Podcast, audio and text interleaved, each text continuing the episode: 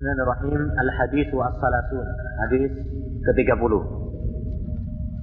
An Abi Tha'labata Al-Khusani Jursum ibn Nasir radhiyallahu anhu. Dari Abu Tha'laba Al-Khusani. Jursum ibn Nasir. Ini adalah namanya. Abu Tha'labah itu adalah kunyah beliau. Karena itu termasuk faedah kitab ini, kitab Al-Arba'in Nawawi adalah mengabarkan kepada kita tentang kunyah para sahabat. Ya, nama para sahabat dan kunyahnya. Sekalipun sahabat Abu Sa'labah ini masyhur dengan apa? Kunyahnya. Dia masyhur dengan kunyahnya. Oleh karena itu namanya saja diperselisihkan. Ada yang mengatakan Jursum ibnu Nasir, ada yang mengatakan Jursumah ibnu Nasir, ada yang mengatakan Jurhum dan ada yang lainnya. Eh, karena beliau terkenal dengan apa? Kunyahnya Abu Sa'labah Al-Qusani. Banyak meriwayatkan hadis. Baik. An Rasulullah sallallahu alaihi wasallam qal dari Rasulullah sallallahu alaihi wasallam beliau mengatakan Inna Allah Ta'ala farada fara'idha fala tudayyi'uha. Sesungguhnya Allah Subhanahu wa taala mewajibkan kewajiban-kewajiban farada yakni aujaba mewajibkan faridah dengan itu salat fardu. Maksudnya salat wajib. Ya jadi farada dimakna di sini adalah apa? Aujaba wajib. Faraid yakni jamaknya faridah yaitu wajib. Tapi apakah sama wajib dengan fardu? Ini ada khilaf di kalangan para ulama ahli usul. Jumhur mayoritas ulama mengatakan bahwasanya tidak ada perbedaan antara wajib dengan faridah. Jadi kalau dikatakan faradha aujaba itu tidak ada perbedaannya. Wajib ya faridah. Ya, ini pendapat mayoritas ulama ahli usul. Adapun orang-orang Hanafiyah yang bermadhab Abu Hanifah, mereka membedakan antara faridah dan wajib dan ini bukan tempat untuk memerincinya fala tudayyi'uha. Maka janganlah kalian melalaikannya. Janganlah kalian melalaikannya. Yaitu dengan apa? Meninggalkan kewajiban tersebut. Atau dengan melakukan tetapi kurang sempurna. Misalkan sholat ya. Melalaikan kewajibannya mungkin dengan meninggalkannya. Atau dengan melakukannya tetapi tidak sempurna. Tidak khusyuk tidak sesuai tidak menyempurnakan syarat dan rukunnya, kewajiban dan sunnah-sunnahnya, ya, atau melakukannya dengan malas. Ini semuanya termasuk apa? Melalaikannya, melalaikan dari kewajiban.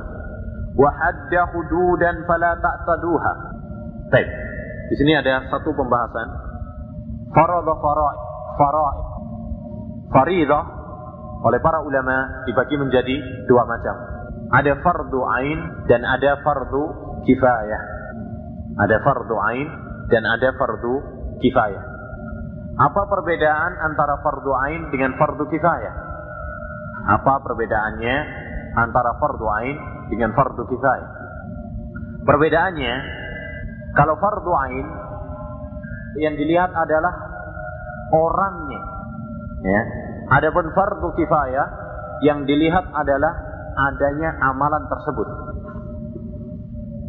Ya, Sekali lagi saya ulangi perbedaan antara fardu ain dengan fardu kifayah. Kalau fardu kifayah yang diinginkan, yang dimaksudkan adalah apa? Adanya perbuatan tersebut. Contoh, misalkan apa? Adzan. Kalau sudah ada adzan, sudah ada yang adzan, kelas. Ini berarti apa? Yang lain adalah gugur. Enggak harus semuanya kemudian apa? Adzan. Kalau semuanya adzan ya berarti gimana? Saingan nanti. Baik. Atau sholat jenazah atau mengurusi jenazah, memandikan, menguburi. Wajib seluruh kaum muslimin sedunia ini untuk mengurusinya kalau ada yang meninggal? Tidak. Jadi kalau sudah ada yang mengurusi, berarti apa? Yang lain adalah gugur. Ini namanya fardu kifayah. Yang inginkan adalah adanya perbuatan tersebut, adanya orang yang adzan, adanya perbuatan adan tersebut, adanya perbuatan iqamah, adanya orang yang mengurusi apa? jenazah dan sebagainya. Baik, berbeda dengan fardu ain. Kalau fardu ain yang diinginkan adalah masing-masing pelakunya. Seperti kalau sholat lima waktu misalkan. Ah, sudah ada yang melakukan. Pokoknya sudah ada yang melakukan. Benar ini? Atau masing-masing harus melakukan? Masing-masing harus melakukan. Ini fardu ain. Gak boleh. Ya udahlah, saya wakilkan. Tidak boleh. Kalau fardu ain, ya, fardu ain tidak bisa. Karena yang dimaksud dengan fardu ain adalah pelakunya. Tapi kalau fardu kifayah yang dimaksudkan adalah adanya amalan tersebut. Paham ini ya? Paham? Jadi apa perbedaan fardu ain dengan fardu kifayah? Kalau fardu kifayah yang dimaksudkan, yang diinginkan adalah adanya amalan tersebut, perbuatan tersebut. Tapi kalau fardu ain yang diinginkan adalah pelakunya, orangnya. Ya, orangnya. Sehingga tidak gugur, masing-masing harus melakukan. Tapi kalau fardu kifayah kalau sudah ada yang melakukan, kalah sudah. Yang lain adalah gugur. Contohnya fardu ain adalah apa? Salat lima waktu, ya, puasa Ramadan, ya, rukun Islam itu semuanya fardu ain. Adapun kalau fardu kifayah contohnya tadi adzan, ya, atau amar ma'ruf nahi mungkar dakwah, ini adalah apa? Fardu kifayah. Secara umum adalah fardu kifayah. Demikian juga sholat jenazah, ini adalah fardu kifayah. Nah, kemudian Nabi Shallallahu Alaihi Wasallam mengatakan, wahadda hududan fala ta'taduha. Dan Allah Subhanahu wa taala membatasi batasan-batasan. Jadi menggariskan batasan-batasan. Fala ta'taduha, maka janganlah kalian menerjangnya. Wahadda hududan fala ta'taduha. Al-hudud yang dimaksud di sini ada dua macam. Al-hudud ya, yang dimaksud dalam hadis ini ada dua macam. Perintah. Ya, perintah-perintah Allah Subhanahu wa taala. Yang kedua adalah larangan. Allah Subhanahu wa taala mempunyai apa? Larangan-larangan. Dua-duanya ini adalah apa? termasuk hudud, batasan-batasan yang digariskan oleh Allah Subhanahu wa taala. Baik. Dalil bahwasanya perintah merupakan hudud firman Allah Subhanahu wa taala ya tilka hududullahi fala ta'taduha itu adalah hududullah batasan-batasan Allah Subhanahu wa taala maka janganlah kamu menerjangnya menerjangnya yang dimaksud di sini tilka hududullahi fala ta'taduha di sini ada hududullah di sini adalah perintah itu adalah perintah-perintah Allah Subhanahu wa taala maka janganlah kamu melalaikannya meninggalkannya jadi perintah itu disebut dengan apa? Hudud. Baik. Adapun dalil bahwasanya larangan itu juga termasuk hudud, firman Allah Subhanahu wa taala, "Tilka hududullah fala taqrabuha." Ingat, kalau tadi perintah, fala ta'taduha. Tapi kalau larangan, tilka hududullah fala taqrabuha. Janganlah kalian mendekatinya. Ya, mendekatinya.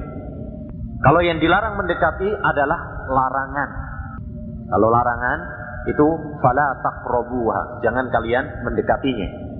Seperti firman Allah Subhanahu wa taala dalam tentang perzinahan, wala taqrabuz zina, jangan kalian mendekati perzinahan.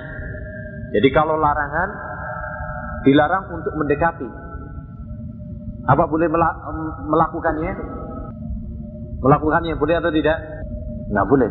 Kalau mendekati saja nggak boleh, apalagi melakukannya. Dan ini lebih dalam, lebih dalam daripada sekedar larangan. Jangan kamu berzina misalnya. Ya, dalam maknanya dengan jangan kalian mendekati perzinaan. Ya, berarti yang dilarang adalah segala perantara yang dapat menjerumuskan kepada perzinaan. Ya. Yang kedua, kalau mendekati saja tidak diperbolehkan, apalagi melakukannya. Nah begitu. Jadi maknanya lebih dalam daripada sekedar larangan. Jadi kesimpulannya al-hudud Ya, hudud Allah Subhanahu wa taala, batasan Allah Subhanahu wa taala itu ada dua macam. Ada yang berupa perintah, ya, perintah-perintah Allah Subhanahu wa taala, maka janganlah kalian menyanyiakannya. Tidak boleh kita melanggarnya, tidak boleh kita meninggalkan, tidak boleh kita melalaikannya, melupakannya, ya, seperti sholat, ya, dan lain-lainnya. Dan yang kedua adalah larangan, tidak boleh kita mendekatinya. Kalau mendekati saja tidak boleh, apalagi apa? Melakukannya. Baik. Kemudian Rasulullah SAW bersabda, "Wa harrama asya'a fala tantahikuha." Ya. Dan Allah Subhanahu wa taala mengharamkan beberapa hal, beberapa perkara, maka janganlah kalian menerjangnya, melanggarnya. Baik. Ini lebih khusus. Jadi wahadda hududan ini umum, mencakup perintah dan larangan. Kemudian faradha faraidha ini lebih khusus. Wa harrama asya'a ini lebih khusus juga. Baik. Kemudian jadi mengharamkan, mengharamkan itu maksudnya apa? Melarang.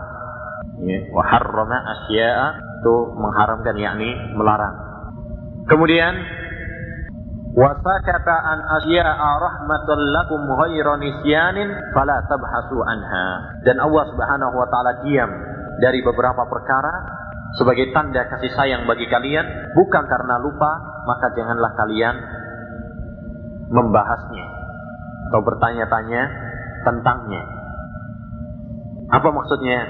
Maksudnya adalah Allah Subhanahu wa taala ya telah menjelaskan perkara yang halal adalah halal, yang haram adalah haram, ya, secara jelas, wadih. Kalau itu perkara yang didiamkan oleh Allah Subhanahu wa taala, ya, maka tidak perlu kita berlebih-lebihan di dalam bertele-tele di dalam mencarinya. Karena itu adalah rahmat dari Allah Subhanahu wa taala kepada kita. Bukan karena lupa dari Allah Subhanahu wa taala. Baik. Hadis ini ikhwani dikatakan oleh Imam An-Nawawi rahimahullah taala sebagai hadisun hasan. Apa hadis hasan itu? Hadis hasan adalah apa? Derajat yang lebih bawah ya, lebih bawah daripada hadis sahih. Ya. Hadis hasan adalah hadis yang diriwayatkan oleh seorang yang khafifud dhabt ya, yang kuat tetapi kekuatannya itu sedang. Ya. Bersambung, sanatnya bersambung dan tidak sharp dan tidak il, tidak ada kecacatan di dalamnya. Yakni sama seperti sahih, cuma perbedaannya hadis hasan dengan sahih itu kalau hadis sahih itu hafalannya apa? kuat orangnya. Perawinya yang meriwayatkan hadis itu apa? kuat. Ya, kalau kita menggambarkannya gampangannya kalau hadis sahih itu orang-orang yang meriwayatkannya misalkan hafalannya 80%, 90 atau 100. Adapun kalau hadis hasan itu ya 60 lah nilainya. Jadi tidak terlalu apa? kuat dan juga tidak terlalu lemah. Jadi sedang, pas-pasan istilahnya. Ini namanya hadis apa? Hasan. Baik. Hadisun hasan. Rawahu ada rokutni. Perhatikan. Ada rokutni. Kenapa saya suruh perhatikan? Ada rokutni. Dengan menfathah apa? Ro. Ya. Adapun yang masyur adalah dengan apa? Ada rukutni. Dengan mendoma ro. Baik. Wa ghairuhu dan selainnya. Tetapi yang lebih sahih insya Allah adalah dengan menfathah ro. Memang ada, saya lihat di dalam kitab Al-Ansab oleh As-Sam'ani dengan menfathah roh. Tapi kebanyakan dalam kitab-kitab eh, seperti dalam Wafayatul A'yan atau Doktul A'lam ya, juga yaitu dengan menfathah roh. Ada roh kutani. Baik. Hadis ini khwani dikatakan oleh Imam Nawawi rahimahullah taala sebagai hadis hasan karena beliau sebagaimana dalam pembukaan kitab ini mensyaratkan agar semua hadis yang beliau bawakan dalam kitab ini adalah hadis yang sahih atau hasan minimal. Tetapi hukum yang dicetuskan oleh Imam An-Nawawi rahimahullah ini dikritik oleh sebagian para ulama. Seperti Al-Hafidh Ibnu Rajab Al-Hambali dalam Jamil Ulum Al-Hikam, beliau mengatakan bahwasanya hadis ini adalah apa? cacat. Ya, tidak sahih. Sanatnya adalah lemah. Dengan alasan hadis ini adalah terputus sanatnya. Terputus sanatnya. Sebab rawi dari sahabat Abu Sa'labah adalah makhul. Seorang rawi bernama makhul. Dan makhul ini tidak mendengar dari sahabat Abu Sa'labah. Makhul tidak mendengar dari Abu Sa'labah. Baik, kalau tidak mendengar dari Abu Sa'labah, sahabat Abu Sa'labah, berarti sanatnya terputus. Mungkote. Terputus. Sedangkan mungkote adalah termasuk hadis yang lemah. Paham ini ya? Wa kullu ma lam yattasil bihali isnaduhu munqati'ul awsali. Semua hadis yang sanatnya tidak bersambung ya, seperti dari Makhul, dia tidak mendengar dari gurunya, dari Abu Sa'labah. Kalau tidak mendengar, bagaimana dia meriwayatkan? Berarti terputus sanatnya. Kalau terputus, berarti tidak kita ketahui siapa yang menyambungnya. Kalau tidak diketahui, berarti adalah apa? Hadisnya adalah lemah. Oleh karena itu, yang benar hadis ini adalah lemah. Hadis ini adalah lemah dan ini adalah salah. Hadis pertama di antara hadis yang lemah di dalam hadis Arba'in Nawawi. Ya. Hadis Arba'in Nawawi ini berjumlah 42. 42. Sekalipun beliau mengatakan apa? Al Arba'in 40. Sebab 40 ini hanya sekedar untuk taglib. Orang Arab biasa menggenapkan ya 42 tetapi ngomongnya adalah apa? 40 sebagai digenapkan. Itu biasa. Dan tidak mengapa dalam kaidah bahasa Arab. Baik, ajaibnya ya 42 dilebihkan oleh Imam Nawawi. Ajaibnya dua hadis dalam kitab ini adalah apa? Lemah. Hadis yang pertama adalah hadis 30 ini. Dan nanti insya Allah akan ada hadis yang lain yang itu juga lemah. Berarti ada dua hadis. Nah, kalau ada dua hadis yang lemah berarti masih tetap berapa? 40. Seperti nama Al-Arba'in Nawawi Al-Arba'un 40 ini tetap apa? Tidak tercacat insyaallah taala. Baik, karena hadisnya lemah, maka seperti antum dengar tadi, kita tidak mensarahnya secara apa? panjang. Tapi kalau memanglah hadisnya ini sahih, itu maknanya adalah seperti tadi. Hadis ini digambarkan oleh Nabi Shallallahu Alaihi Wasallam bahwa Allah Subhanahu Wa Taala membagi ya syariat Islam ini menjadi berapa? Empat macam. Ada perintah, maka janganlah kalian melarang uh, me, melalaikannya. Larangan, maka janganlah kalian apa? menerjangnya. Kemudian batasan, maka janganlah kalian menerjangnya. Kemudian yang terakhir adalah masalah-masalah yang didiamkan oleh Allah Subhanahu wa taala, maka nggak perlu apa? Kita bertele-tele untuk membahasnya. Ya, kalau itu masalah-masalah yang diperbolehkan oleh Allah Subhanahu wa taala, nggak perlu kita apa? Bertele-tele untuk membahasnya.